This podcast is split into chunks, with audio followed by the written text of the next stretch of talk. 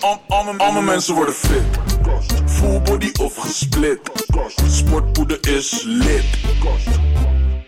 Goeiedag, welkom terug bij een gloednieuwe Sportpoed podcast. Eh, vandaag hebben we weer een eh, korte informatieve podcast over achterliggende spiergroepen en hoe we dat kunnen tackelen met de enige echte Wesley Vissers. Yes, yes. Wesley, hartelijk dank eh, dat we weer aanwezig mochten zijn in het prachtige best bij jou. Altijd. Ehm, ja, we gaan het vandaag hebben over uh, nou ja, uh, lekking uh, spiergroepen, om het maar zo te zeggen. ik denk dat het handig is om eerst gelijk even een verwijzing te doen naar de trainingsvideo's die we al met Wesley hebben staan. Met benen, rug en chest volgens mij. Misschien nog eens Alles gewoon. Ja, misschien. Of nou ja, we hebben daar trouwens ook schouders mee getraind. Dus dat zit bij chest en Armen back. zitten bij borst en rug. Hè? Ja, dus ik zou zeggen, che check het eventjes op YouTube. mocht je nou willen weten welke trainingen Wesley doet. Um, ja, wat, als je kijkt in jouw loop der jaren qua spiergroepen, wat voor jou het meest lekking is geweest. welke zouden dat dan zijn en hoe heb je dat opgelost? Ja, ten eerste altijd de benen natuurlijk. Toen ik begon met krachttraining, dacht ik, oh, mijn benen zijn wel breed genoeg. Dus ik had die, denk ik, twee jaar of zo gewoon niet getraind. Uh, ja, of anderhalf jaar, toen ik mijn bovenlichaam wel trainde. Dus dat is de eerste fout die al niet moet maken. Gewoon alles eerst evenredig trainen. En dan pas kijken wat loopt erachter. Dus die kan dan extra aandacht uh, krijgen. Um, dus de benen nummer één. En nummer twee, ik kreeg een brede rug, maar geen dikke rug. Dus uh, als je van voor en achter keek, was de rug gewoon een goede V-taper. Alleen van de zijkant en de invulling van de rug, die was altijd minder. En daar heb ik ook hele specifieke dingen voor moeten doen om dat echt uh, voor elkaar te krijgen. Ja, ik ga er wel gelijk even een shout-out doen. We hebben natuurlijk die back workout een tijdje terug gedaan. Ja. Dat was nog, voor mij was dat nog vlak voor de Olympia, ja, dacht ik. Ja, ja um, ik doe het nu ook. En ik Oh, merk nice. gewoon oprecht, zeg maar, dat de, ja, gewoon de contractie die ik erbij voel. En kijk, ik kan dan nu niet zeggen dat ik gelijk een buffalo back heb. Maar uh, ik vind ze wel echt super chill. Ook met die uh, grips die we toen hadden gebruikt, et cetera. Zo echt, uh, ja... Ik heb ze ook zelf, uh, ik had ze al in mijn gym liggen, maar nu op die manier, zeg maar, hoe we ze toen hadden gedaan, Ja. is wel echt, uh, ja, ik vind het super chill. Ik doe het nu eigenlijk constant. Ah, mooi. Ja, het is, heeft voor mij echt al jarenlang achter elkaar gewerkt. En het blijft ook werken. Als je eenmaal iets vindt wat voor jou werkt, ja, waarom zou je het loslaten? Ja. Ja. Ja, want jij hebt dan bijvoorbeeld, als we het eventjes hebben over rug. Um, we hebben vorige keer bijna alles uh, unilateraal gepakt. Of nou ja, wel bilateraal, maar wel met losse grips. Ja, dus dat ja, je je mobiliteit kan aanpassen aan de hand van je pols. Ja. Of je pols kan aanpassen. Nou, jullie snappen wel wat ik bedoel. Um, wat is voor jou, uh, merkt jou, is dat ook een van de eerste dingen die jij hebt uh, aangepast, uh, nou ja, naarmate je bent, gevorderd bent gegaan met trainen, zeg maar?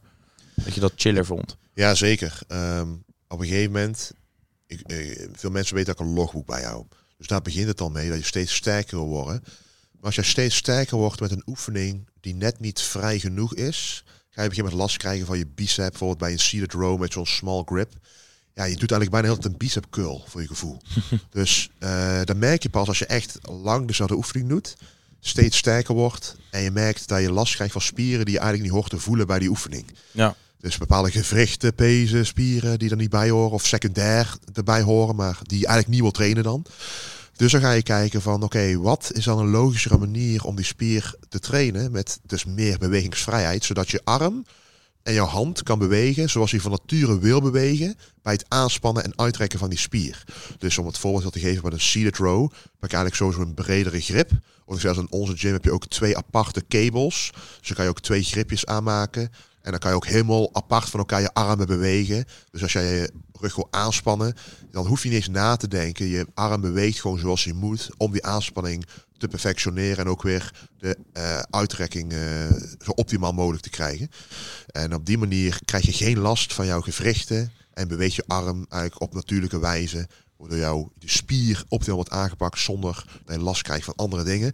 En dat is eigenlijk de sleutel want bijna iedereen krijgt ooit wel eens een blessure ergens. Bijvoorbeeld een van de meest populaire is bij bankdrukken dat je last krijgt van je schouders. Die linkerkant schouder, Ja, altijd. dus ik doe, al, ik doe al jaren geen losse bankdruk oefening meer. Dus met een stang.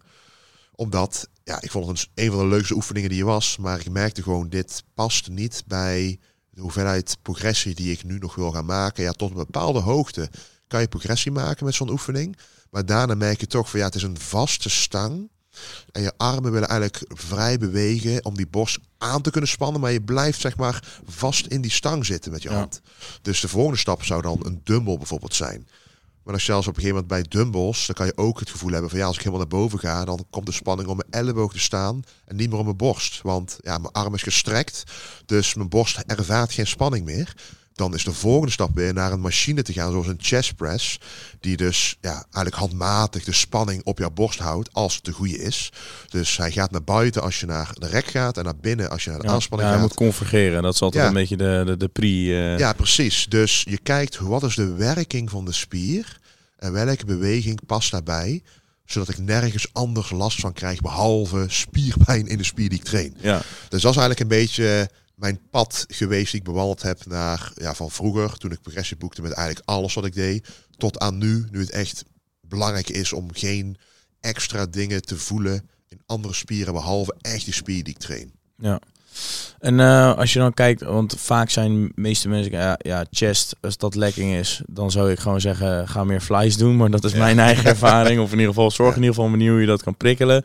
Rug, nou, laat de led pull down stang voor wat het is. Want dat is toch vaak... eh, Kijk gewoon die back, eh, back day video, Ja. dan, dan snap je wat ik bedoel. Eh, maar schouders is toch altijd wel een beetje een uitdaging. Vaak ook omdat mensen denk ik niet altijd even goed schouders trainen. Er zijn natuurlijk verschillende manieren hoe je schouders kan trainen. Schouders bestaan natuurlijk eigenlijk in principe uit 12 mini schouderkoppen, maar we noemen er altijd drie. Tenzij je trapezius ook mee rekent, dan heb je er vier. Maar, of niet schouderkop, maar in ieder geval schouderspieren. Ehm, als jij kijkt naar bijvoorbeeld de, de delts, is dat bij jou ooit een, eh, de, dus de side delt, weet je wel, de, de, de, de, de bowlingbal, zoals ze dat Ja, altijd ja. noemen.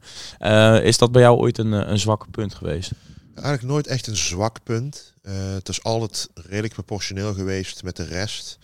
Vroeger trainde ik altijd schouders ook apart. Tot ik erachter kwam dat ze eigenlijk nog zelfs, ja dat is mijn geluk, te snel groeiden. dus eh, mijn schouders, vooral mijn de voorkant schouder, die groeide echt gewoon ehm, disproportioneel snel ten opzichte van mijn armen. Wat het dan, dan lijkt je armen weer klein bijvoorbeeld. Ja. Dus de voorkant schouders, naar mijn mening, als jij borst vaak genoeg traint, is de frequentie van voorkant schouder kan je eigenlijk veel lager houden. Of in ieder geval het volume. Dus je kan bijvoorbeeld een push training doen. Dat jij borst traint en dan één oefening voorkant schouder. En voor 99% is daar eigenlijk voldoende. Maar grote schouders is eigenlijk de zij- en de achterkant. Dus je voorkant kan je bijna nog zelfs negeren, wat ik persoonlijk doe. De En meeste mensen pakken chest ook zo enthousiast dat ze voorkant schouder trainen. Ja, daarom. De- ik, ik zelf ook. Als ik zeg maar een de chest press doe, is onmogelijk om volledig die front delta eruit te halen. Dus Ja. bijna, je traint hem altijd wel voor een gedeelte. En dat is voor mij in ieder geval genoeg om hem gewoon proportioneel te houden met de rest. Maar dus vooral de zijkant en de achterkant. Dus er zijn eigenlijk gewoon side lateral raises op verschillende manieren en reverse flies op verschillende manieren. En de volume daarin kan jij veel hoger zetten dan je denkt. Want er zijn kleine spiergroepen en ze herstellen ook veel sneller dan, dan bijvoorbeeld de benen doen. Want als je maar een kleine spiergroep, je gebruikt ze nooit in, je leven eigenlijk. Ja, dus eh, ze, ondervinden geen stress behalve dan die ene keer dat je ze in een gym traint. Dus eh, ik doe dan altijd echt vijf volledige sets van side level raises, minimaal twee keer per week. En nog zelfs dat is aan de lage kant. En dan eh, bijvoorbeeld de reverse back deck voor de achterkant schouders. En minimaal vier zware sets achter elkaar, ook twee keer per week. Omdat die achterkant schouder bij mij ook redelijk snel groeit. Omdat ik bij al die rugoefeningen, die rows, pak je ze ook altijd wel mee.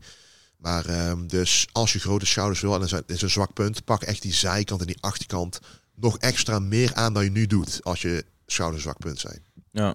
ja, ik heb zelf vooral eh, afgelopen tijd dat, het, eh, dat ik een, eh, met een cuff, zo'n side Ja. race, vind ik heel chill. Ja. Dat, want ik heb niet de stabiliteit in mijn schouder om zo'n dumbbell goed rustig te laten zakken. Dat is altijd eh, een Ja, issue. Dus vooral ook, eh, dan hoeft de onderarm en de pols ook minder te doen. Ja, Dus dan elimineer je eigenlijk één gewricht, wat heel goed is, waar we het net eigenlijk over hebben gehad. Je wil geen enkel eh, kwaaltjes voelen, behalve dan de spier die je traint. ja, Dus als je inderdaad iets om je, om je pols zelf doet, zoals een enkelkaf inderdaad, wat ik vaak ook doe, bij een side lateral raise, bij een cable, pak je echt volledige spanning op die zijkant, schouder, hoef je nergens anders op te focussen, behalve die beweging met je arm. Ja. ja, en als je dan kijkt naar de, de, de rear delts, eh we hebben natuurlijk de vorige keer in die, eh, in die back workout hebben we de, nou, of de reverse fly of eh, eh, ja, je dat? Reverse back deck. reverse back deck Ja. inderdaad eh, gedaan. Ehm, wat zouden jouw nou ja, favoriete oefeningen zijn als je een onderontwikkelde achterkant schouder hebt? Want ik denk dat dat toch wel vaak een beetje een, eh, een struggle is. Omdat Ja. eh, nou, iedereen bench wel, iedereen traint zijn rug wel een beetje. Maar toch Ja. die achterkant schouder Heel vaak doen mensen die reverse fly ook verkeerd. Doen ze veel te ver naar achter door. Dat, eh, wat zijn jouw favoriete tips daarvoor? Ja, dus het, het grootste verschil tussen het trainen van de rugdikte en de traps en de achterkant schouders is dat bij de achterkant schouders het schouderblad niet moet bewegen. En bij eh, de traps en de rugdikte, bij een row, dan beweeg je ze juist wel naar elkaar toe. Dus je weet bij een reverse pack deck, dus letterlijk zo'n chest fly machine, maar dan andersom. Je moet zo ver naar achter gaan tot je voelt dat je schouderblad eigenlijk niet verder kan. En hij kan alleen verder als je hem naar binnen trekt. En dat moet je dus voorkomen. Ja. Want dat zijn je traps. En dat doen vaak mensen dus wel, omdat die traps zijn veel sterker, nemen dus eigenlijk de beweging over, waardoor die achterkant schouder eigenlijk veel minder goed aanpakt. En je dus meer vermoeidheid creëert in heel dat gebied dan dat je puur geïsoleerd die zijkant of die achterkant schouder aanpakt. Ja. Dus dat is één tip. Die moet je ook toepassen bij een dumbbell, reverse dumbbell fly bijvoorbeeld. Een andere tip is dat je ook een, ehm, een eh, bijvoorbeeld een face pull kan doen, oftewel een rear delt row. Dus je kan dan zitten op een bankje en je zet die kabel eigenlijk een beetje op eh, kinhoogte, zeg maar. Die, die kabel, die, die pulley. En daar kan je bijvoorbeeld of een, ehm, een eh, brede row grip aanmaken, die we volgens mij de vorige ook hebben gedaan bij de high row. Ehm, of, een, of een rope. Maar trek hem dan zo ver mogelijk naar achter. Maar nogmaals, zonder die schouderbladen naar, elkaar toe te bewegen. Dus het is een veel minder verre beweging naar achter. Dus je voelt gewoon die aanspanning in de rear delts. Oké, je voelt hem en dan ga je weer terug. Helemaal uittrekken. Want zoals we al wat eerder hebben benoemd, Stretch. de stretch is, eh, is de groei. Ehm, maar dan pak je ook de biceps een beetje mee. Dat je wat zwaardere gewichten kan pakken voor die achterkant schouders. Eigenlijk een soort compound oefening voor de achterkant schouders. Dus die twee zou je kunnen doen. Dus die, die eh, rear delt row en de reverse fly in principe. En die zou je alle twee achter elkaar kunnen doen. En dan ook nog eens twee keer per week. En alle twee drie à vier sets. En dan is er gewoon geen keus voor je achterkant schouders behalve te groeien. Dan moeten ze wel. Ja, dat moeten ze wel. Hey, sorry dat ik deze aflevering eventjes onderbreek, maar hij wordt mede mogelijk gemaakt door MyProtein. Weet je wel, die, van die Alpha pre-workout, het meest populaire product binnen de community. Wil je daar nou nog een lekkere kortcode voor? Staat die natuurlijk in de Sportpoeder app of op sportpoeder.nl. En ik zou zeggen, probeer hem een keertje, want eh, ja, een van de beste doseringen op de markt. En ik zou zeggen, kijk lekker verder en geniet van deze aflevering.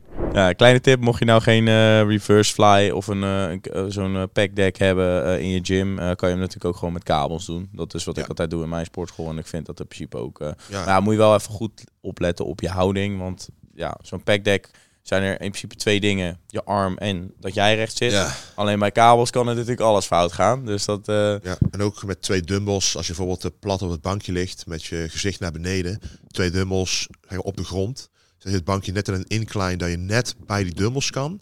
Dan kan je hem ook heel goed doen. ja. En dan hoef je ook niet zo ver omhoog te gaan, omdat die schouderbladen anders naar elkaar toe gaan. Maar dat is ook, die heb ik ook vaak, heel vaak gedaan vroeger. En toen was die achterkant schouder nog echt wel ook disproportioneel groot geworden ten opzichte van bijvoorbeeld de tricep. Ja. Dus dat soort oefeningen werken gewoon heel goed. Ja, oké.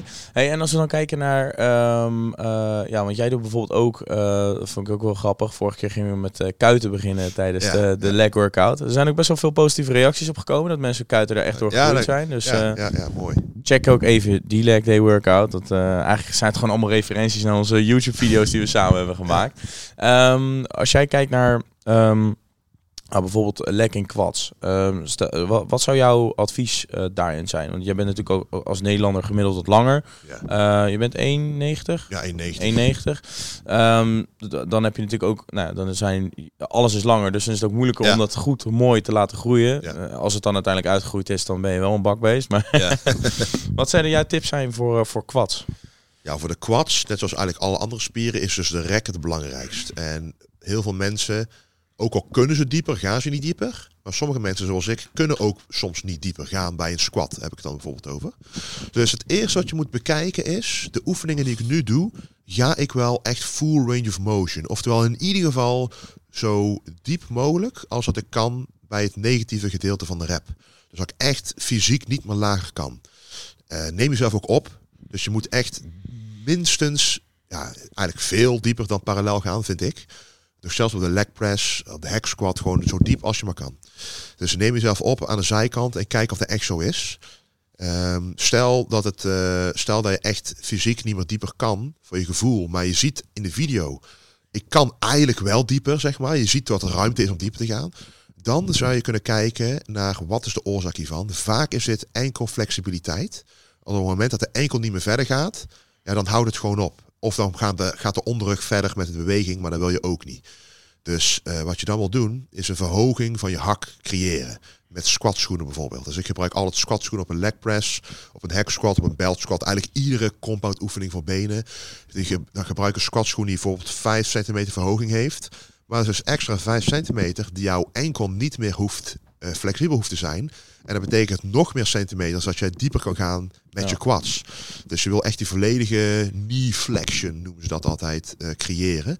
Dat, echt jou, dat je die quadspier echt voelt uitrekken. Ja. En bij oefeningen waar je bijvoorbeeld helemaal omhoog kan gaan, zoals een hack squat, waar je dus een rustmoment kan creëren, zou ik het eigenlijk niet doen.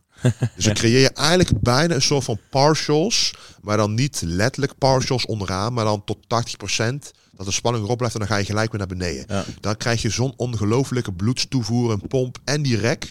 Die combinatie van die dingen, dan, dan ontploft je gewoon. Ik heb dit toen gehad met, eh, bij Frank eh, in zijn speelkelder. eh, toen Oh, ja. mocht ik ook niet mijn been strekken. En dan, ja, het verschil tussen zeg maar dat je een van spreken inderdaad 80% Ja. strekt en helemaal strekt. Dat, ja, want je wil juist die qualities hebben onder spanning houden op de verlengde positie. Dus dat is wel, ja.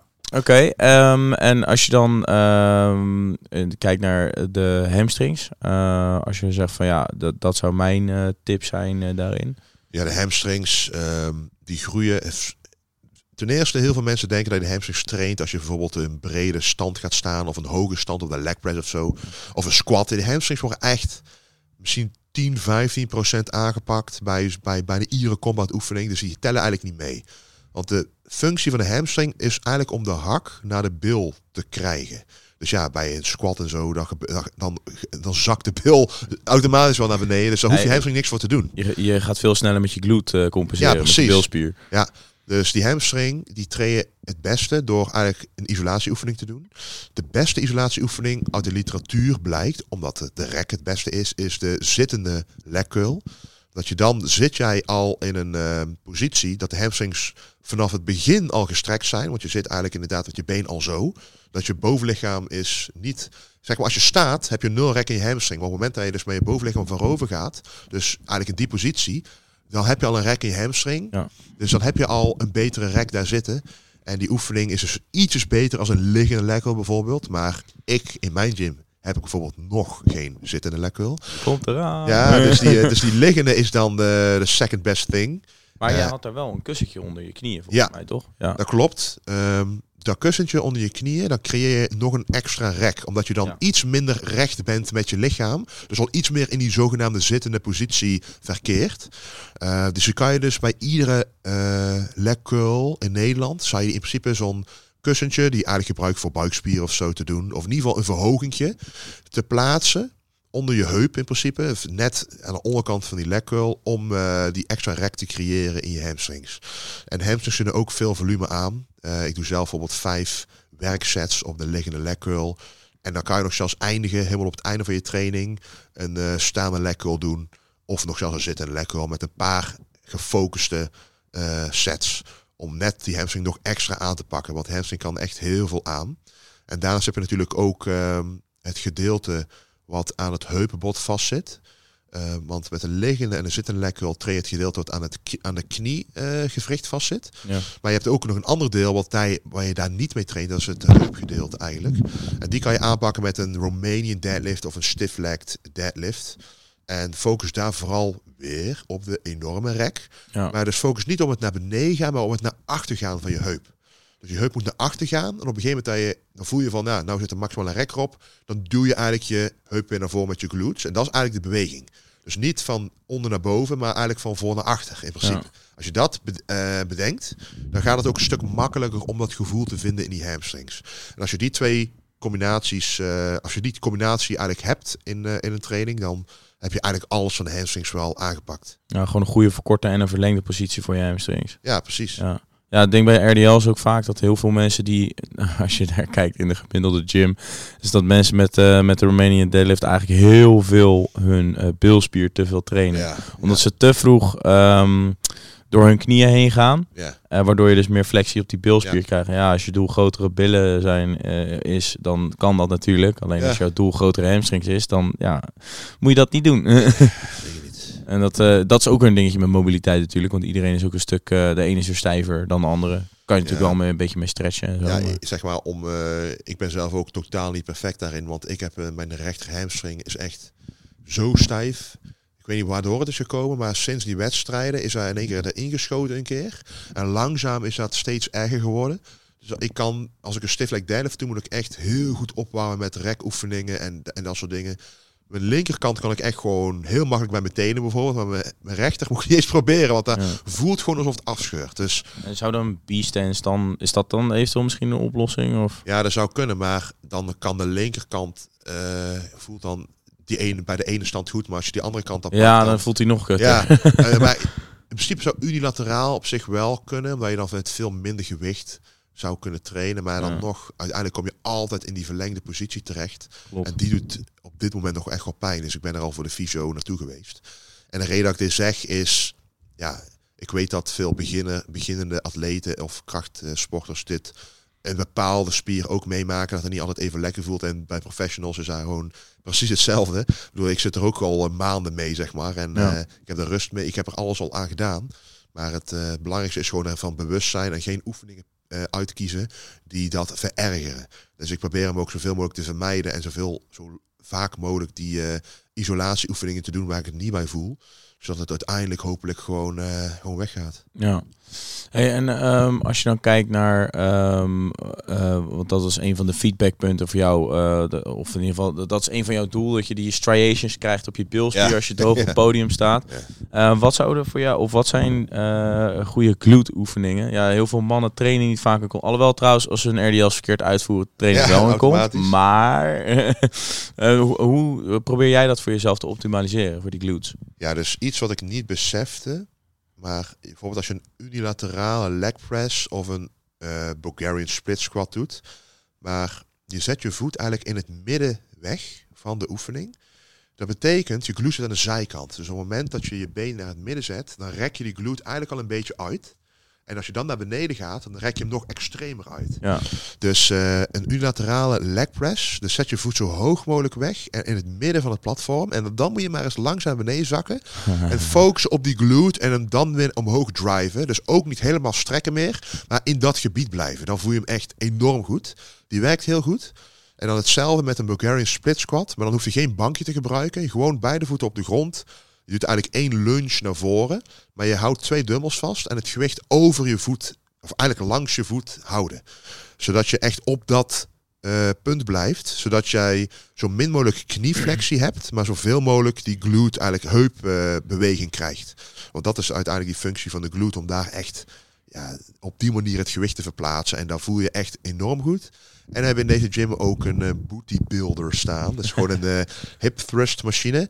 Alleen die booty builder is wel, heeft wel een patent dat het platform hoog mag staan. Want heel, dan moet je maar eens kijken naar jouw eh, hip thrust machine in jouw gym. Vaak staan die heel laag, omdat die booty builder heeft als een, bijna een van de enige heeft dat patent dat het platform hoger mag staan en daardoor eh, krijg jij een betere rekkende glutes. Ik wou het zeggen, als die hoger staat, staan je hielen hoger, staat Ja. er al meer eh, Ja. spanning op je En dan kan je ook lager gaan, dan is de bewegingsvrijheid groter. Ja. En ik doe er ook, eh, bij- ja, er zitten automatisch van die elastieken omheen, waardoor het allemaal nog moeilijker wordt. Ik kan die ook echt niet zwaar. Maar je voel je echt enorm goed bij, de, bij beide de squeeze, dus als je helemaal omhoog gaat, en langzaam naar beneden ook in die rek.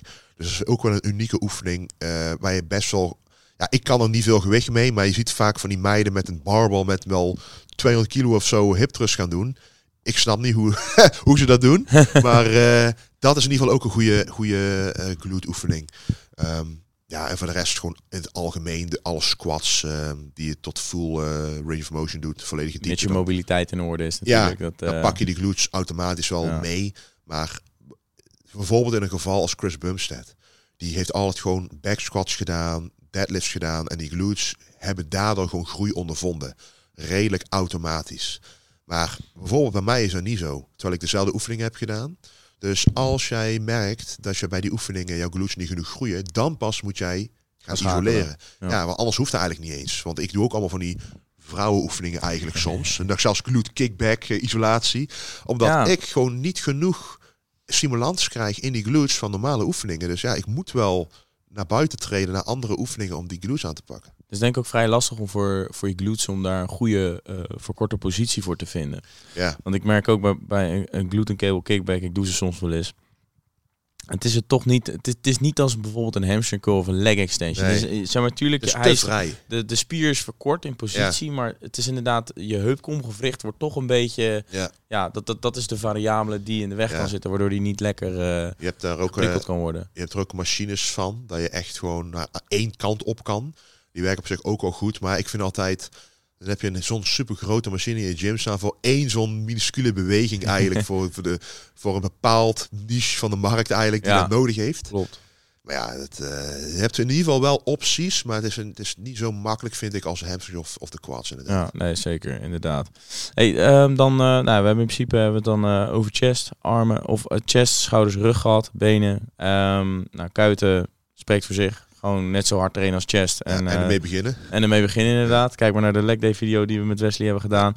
Ehm, dan komen we aan bij armen. Ik denk dat bicep redelijk voor zichzelf spreekt. Ehm, dat is eigenlijk eh een begin- en eindpunt. Maar ik denk dat tricep toch wel een ehm, nou, een bijzondere spier is. Er zijn natuurlijk drie spieren. Als ik het even goed zeg uit mijn hoofd. Ja, longum, mediale en laterale. Ja. Ja, wa- wat zijn jouw favoriete eh, tricep oefeningen voor nou, maximale tricep groei, om maar zo te zeggen? Nou ja, ik train nu al, even kijken, 16 jaar. Dus eh, helaas ben ik ook slachtoffer geworden van die welbekende elleboogpijn die je kan ervaren bij eh tricep oefeningen. Ja, Jullie- dat, die, eh, dat die in je onderarm doorgaat. Ja, gewoon puur gewoon echt in die, in die punt van die elleboog, zeg Ja, maar. Gewoon dat, dat die pesa die geïrriteerd is. Nu gelukkig niet. Maar waardoor, waarom nu niet? Omdat ik oefeningen heb gekozen die veel natuurlijker zijn. En ook uiteindelijk beter zijn voor de tricep en beter zijn voor het gewricht. Dus eerst deed ik altijd die zware skull crushers eh, met een easy curl bar en eh, het één dumbbell achter je hoofd. Net zoals Ronnie Coleman, super zware, die extensions. Ja, maar dan twee handen tegelijk. Ja, twee handen Ja. tegelijk inderdaad, met een dumbbell van 50 kilo of zo. Ja, dat werkt voor een tijdje. Ik heb dat ook gedaan aan het begin toen ik ooit was begonnen met trainen. En ik heb toen echt eh, twee of drie keer achter elkaar bij de fysio gezeten. Ja, en toen kwam ik er dus achter toen ik in de spiegel aan het kijken was. Terwijl ik die skull crushers heel netjes symmetrisch probeerde uit te voeren. Dan mijn ellebogen gewoon asymmetrisch waren. Dus de een was aan het overcompenseren voor de andere. En ik merk nu nog steeds, ook al train ik alles nu unilateraal, eh, dat, ja, dat ze nog steeds niet even sterk zijn. Nee. nee, klopt. En zulke fouten maken we denk ik allemaal wel op het begin. Dat we gewoon zulke oefeningen doen die we de grootste bodybuilders zien doen. Want voor hun werkt dan toch alles, maar voor ons niet. Ja. Dus op een gegeven moment moet je gaan specificeren van oké, wat, wat werkt even goed, maar kan ik gewoon pijnvrij gaan doen. Dus dan gaan we eigenlijk vrij snel naar kabeloefeningen. En eh, je hebt bijvoorbeeld een eh, rope pushdown die je met twee handen kan doen. Iedereen kent die wel, dat je gewoon zo en naar beneden gaat uitstrekken. Alleen, als je kijkt, je zei net over biceps, je hebt één functie. Maar de triceps zit aan hetzelfde gewricht vast. Ook de elleboog. Natuurlijk heeft de schouder heeft ook wel een functie, maar we hebben het nu eventjes over de functie van de elleboog. Dus eh, bij de bicep is het eigenlijk van gestrekt naar ja, verkort. En bij de tricep is het omgekeerd. Maar het is ook gewoon van, boven, van beneden naar onder. Zeg. Of van eh, onder naar boven, gewoon met je arm. Ehm dus één beweging op. Die kan niet naar rechts, links of naar rechts. Je kan alleen maar één kant op. Dus wat je eigenlijk wil doen, is eh, als je een kabeloefening doet, probeer hem met één arm. Ehm, en kijk dan dat die kabel parallel loopt met jouw bovenarm. Want dat betekent dat alleen de onderarm beweegt ten opzichte van die kabel. En dat die kabel dus precies in lijn loopt met de tricep. Dus ook in lijn loopt met de functie van het gewricht. Want als jij een skull crusher doet en, die, en de, de gev- zwaartekracht gaat die recht naar beneden, maar je elleboog staat aan de andere kant op, en dan Ja. komt er een hele rare soort kra- eh, spanning op je elleboog te staan. Ja. Ja, da- da- daar voel je de eerste paar keer niks van. Maar als je daar honderd keer achter hebt gedaan, dan, dan geeft je lichaam gewoon aan van, dat klopt, die pace, die wil, die wil een kant op die die niet kan eigenlijk. En, die, en dat gewricht. Dus je wil dan een oefening kiezen die wel in lijn staat, letterlijk, met die functie van het gewricht. En dat klinkt misschien allemaal heel saai wat ik nou zeg, maar probeer het maar eens uit. En die pomp die je dan krijgt in je tricep is zoveel groter, zonder pijn. Ja, Dan wordt er in één keer de manier van triceps trainen. Dat is bijvoorbeeld, als je echt, dat noem ik altijd de side tricep extension. Dus je staat gewoon, die kabel pulley doe je zo hoog mogelijk. Je, pa- je, je pakt wat je zelf met schouder hebt gezegd, zo'n eh cuff, zo'n enkelcuff, doe je om je pols heen. Of ja, eigenlijk om je hand heen. Ja. Zodat jij... schiet hij voor je pols af. Ja, precies. Zodat je bijvoorbeeld zo'n rope heeft dan zo'n bal erop zitten dat je daarboven zit. Maar zo'n kaf is nog wat natuurlijker. Dan kan je hand ook helemaal bewegen zoals je wil. Dan kost het geen moeite voor je onderarm, omdat je niet hoeft te Nee, knijpen. klopt. Je hoeft niet te knijpen inderdaad. En dan eh, hou je je eh, bovenarm in principe recht. Als je kabel ook eh, recht naar beneden gaat. En alleen je onderarm bewegen. En dan gewoon langzaam omhoog. Volledige rek. Dus volledig die onderarm tegen je bicep aan. Echt volledige rek en volledig die aanspanning. En eh, dan krijg je op een gegeven moment, dan doe je 10, 15 reps. En op een gegeven moment voel je gewoon, wow, dit is gewoon extreme, goede pomp en verzuring alleen in de spier. En niks in de gewrichten. Je voelt gewoon niks. Ja. Kan de eerste paar keer nog even zijn dat je moet wennen. Of dat je nog pijn voelt van de afgelopen paar maanden. Maar op een gegeven moment gaat het weg. Want je gebruikt het gewricht zoals het bedoeld is. En dan heb je natuurlijk, eh, dat is voor de, eigenlijk voor de laterale of de kleine kop, zeg maar. Als je, eh, Die noemen we altijd het hoefijzertje. ja, de, de, ja, precies. De hoefijzerspier. Maar je wil ook die lange kop eigenlijk aanpakken. Dat is eigenlijk exact hetzelfde. Dat is gewoon bo- boven je, of een overhead eh, positie, dus boven je hoofd in principe. Ja, die eh, crossover cable extension die we toen hadden Ja, gedaan. precies. Zittend volgens mij was dat. Die, die vond ik echt heel chill. Die doe Ja. ik echt nog dagelijks. Ja, Dat is, Die kan je zitten of staan doen. Maar vaak die kabel, die pulley, kan je veel. Normaal zetten mensen die of helemaal aan de bovenkant of helemaal aan de onderkant. Maar je wil hem eigenlijk eh, best wel laag zetten, denk ik, op. eh, Zet hem altijd net op ledhoogte. Ja, precies. Op ledhoogte, zodat wanneer je dat ding pakt en je, en je stapt naar voren en je doet de oefening en je kijkt in de spiegel, dan zie je dat de kabel parallel loopt met je bovenarm weer. Dat is eigenlijk iedere keer waar je naar op zoek bent. Want als je kabel net wat lager of net wat hoger wijst dan jouw eh, bovenarm, dan zit er nog steeds de verkeerde spanning op dat gewricht. Ja. Dan is het niet evenredig de hele tijd. Maar je wil gewoon van hier tot daar evenveel spanning hebben. En eh dan werkt gewoon het allerbest. En dan eigenlijk met die twee oefeningen heb je in principe de hele triceps al te pakken. En dan zou je nog een close grip press kunnen doen. Maar ik vind dat vaak wel eens overbodig. Omdat je zoveel presses al doet bij, met Ja. borst en met schouders. Dat is ook vaak wat ik, eh, of in ieder geval de- voor mezelf dan, de, de, de kapot mediale. Dus het kleine pressspiertje noem ik die Ja. altijd. Die pak je eigenlijk altijd al met, met chest Ja, of met schouders klopt. mee. Als je Klopt. een shoulder press doet bijvoorbeeld Ja. of iets in die trant. Hey, sorry dat ik deze video onderbreek. Maar de kans dat jij supplementen bestelt is best wel groot. En dat kan je het beste doen via de Sportpoeder app. Want daar pak je de lekkerste korting en betaal je nooit meer te veel voor jouw supplementen. En maak je ook nog eens maandelijks kans op 10 keer een cashback waarbij we 10 mensen hun bestelling volledig terug gaan betalen. Kijk lekker verder. Ja, dan mag je trouwens zeggen of je het daarmee eens bent. Ik probeer altijd met eh, tricep eh, voor de excentrische spanning mijn bicep aanspannen. Dus dat die echt Ja, gewoon ja. eigenlijk helemaal in mijn bicep gaat. Ja. En met bicep dan precies andersom. Ja. Zou je dat ook zeggen van dat is een goede tip? Ja, dus vooral met biceps vind ik een hele goeie. Want eh, je kan alleen maar echt die bicep, of alleen de tricep goed aanspannen als die bicep helemaal uitgerekt is. Eh, dan kan je bijvoorbeeld bij een, eh, bij een dumbbell curl, kan je het makkelijkst in de spiegel zien. Dan je gewoon, gewoon ga je omhoog en ga je omlaag en dan span, span je de tricep aan. En dan ben je helemaal eh, uitgerekt eigenlijk met je arm. Ja. En dan kan je inderdaad andersom ook doen. Dus dat is op zich wel een goeie. Ja, ja nou, yes, goed om te horen. Oké, top. Ehm, ja, nou ja, dan misschien de laatste bui of de laatste spier wat vaak vergeten wordt of dat iedereen in een maand voordat ze in shape willen zijn gaan trainen, buik. Buik. Ehm, ja, buikspieren, eh, iedere, eh, voor, even voor de record, eh, buikspieren heb je sowieso al, die zitten er. En een sixpack is puur vetpercentage. Natuurlijk heb je wel invloed op je buikspieren laten groeien. Ja. Maar ja, wat zouden jouw tips zijn voor buik? Ja, Ja, ik heb het al best vaak gezegd, maar behandel je buikspieren exact hetzelfde als de rest van je lichaam. Dus denk maar, hoe train jij je rug of hoe train je je benen? Zwaar, 10 tot 12 reps, volledige range of motion. Je buik is, is exact hetzelfde. Ja. Je reageert op de exact dezelfde stimulans. En het makkelijkste om die full range of motion te krijgen, met ook spanning van onder naar boven, dus rek en aanspanning, vind ik altijd een, eh, een eh, cable crunch. Bijvoorbeeld met een rope vasthouden of zo'n close grip, eh pull-down eh, grip. Want dan kan jij echt zwaar die stack zetten. Ehm, en dan kan je helemaal naar beneden gaan, helemaal crunchen naar beneden en langzaam omhoog. Wat ik vaak ook doe, is ik bekijk mijn eigen buikspieren om te zien of ik ze ook goed aanspan. Want heel veel mensen zijn bang voor dat ze een bredere middel krijgen als ze buik trainen. Dat ten eerste, je middel ziet er alleen maar beter uit als je betere buikspier krijgt. Maar er is wel een deel van de populatie waarbij het kan gebeuren. En dat noem je een eh, diastasis recti. Oftewel, Hm. wat eh, vrouwen krijgen als ze zwanger zijn geworden. Die buikspieren gaan uit elkaar staan. Als je bijvoorbeeld, je bent bijvoorbeeld dik geweest, je hebt een bierbuik gehad vroeger, of je eh, bent heel vaak bloated. Dat is ook een reden waarom je eigenlijk goed eh, wil eten. Maar als jij altijd een opgezette buik hebt, het zou dus kunnen zijn dat die buikspieren langzaam over de jaren heen uit elkaar gaat staan, waardoor je eigenlijk een gat hebt tussen de twee helften in principe van de buikspieren Oh, ja. in. ja, dat zie je wel eens inderdaad. Ja, en als je dan zonder na te denken, moet je maar eens in de spiegel voor de grap doen, zonder shirt en een eh, leg raise doen.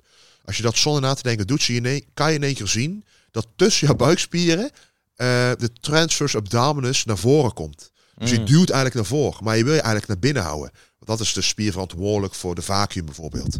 Maar als dat gebeurt, dan krijg je alleen maar het effect van steeds eigen en eigen. Want als je buik traint, dan de- forceer je die buikspieren nog verder uit elkaar. Dus dat is iets waar ik zelf bewust van ben. Want dat was bij mij gebeurd een paar jaar geleden.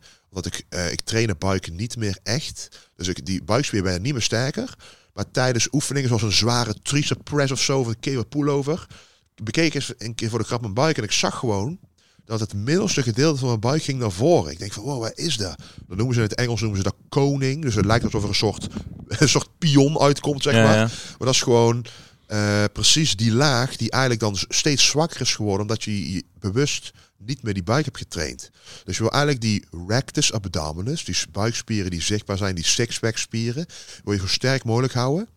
Ehm, door eigenlijk constant naar binnen te trekken. Dus ook die transverse abdominis, die TVA-spier, die daaronder ligt, ook sterk te houden. Dat doe je door, als je een cable crunch doet, even je, gewoon je shirt onder je kin bijvoorbeeld even te houden, te kijken wat doen die buikspieren nu. En als je ziet dat die binnenkant een beetje naar buiten gaat, moet je bewust die buik inhouden. Dus als je aanspant, gewoon inhouden. Dus blaas uit op het moment dat je aanspant, dat je echt die buik naar binnen kan trekken en langzaam omhoog. Als je te snel omhoog gaat, krijg je ook die spanning in één keer, dat die buik ook naar voren knalt. En dat zijn allemaal van die kleine dingetjes die als je dat jaren fout doet, dat het heel moeilijk is om terug eh, te trekken. Eh, misschien een goed voorbeeld die mensen misschien wel kennen, de winnaar van 212, Keown Pearson op dit moment. Die heeft ook die buikspieren best wel uit elkaar staan. Hij had daar wel sinds vroeger uit, maar je ziet dat het wel erger is geworden, omdat hij waarschijnlijk daar niet bewust op let. En eh, dat is ook iets wat ik toevallig was tegengekomen toen ik onderzoek deed naar wat is de oorzaak van die di- dikkere buiken bij bodybuilders op het podium. Hoe krijgen ze toch die bolle buiken, zeg maar. Toen zag je ook dat effect van dat die buikspieren uit elkaar gingen staan. En toen kwam je uiteindelijk op, ja, eigenlijk is het alsof je zwa- zwanger bent als Dus vrouw. dat, dus dat komt helemaal niet door de anabolen, zoals ze altijd roepen. Nee, eigenlijk komt het gewoon door het vele eten, waardoor je altijd bloated bent. Die buikspieren worden zwakker, dus je hebt minder support voor de organen. En het wordt steeds ei- eigenlijk een soort domino-effect, wat- of een negatieve spiraal, die gewoon, als je daar niks aan doet, wordt steeds erger. Dus daar wil je gewoon vroeg in jouw carrière bewust van zijn. eh, zodat je er op een gegeven moment ook niet meer over, over, over hoeft na te denken. Want dan span je je buik aan en je automatisch gaat je naar binnen. ja. Dus dat is wel even een tip die ik eh, wel mee wil geven. Oké. Nou, eh, we hebben alle spieren in het, eh, in het lichaam eh, behandeld. Ja. behandeld. Ja, misschien nog tips voor kleine tenen. Nee, kijk hoor. nee, ja, on- ontzettend bedankt weer voor, jou, eh, voor jouw wijsheid. Eh, ik hoop dat je, jullie hier wat aan hebben gehad. Mocht je Wesley nou nog niet volgen, ga hem dan natuurlijk eventjes volgen. Eh, klik op die prachtige like-knop. Klik op de abonneerknop. En ben je nou via Spotify aan het luisteren? Laat even vijf sterretjes achter. En eh, ja, hou de socials in de gaten. Ciao. En een goede dag nog verder. Alle, alle mensen worden fit. Full body of gesplit. Sportpoeder is lit.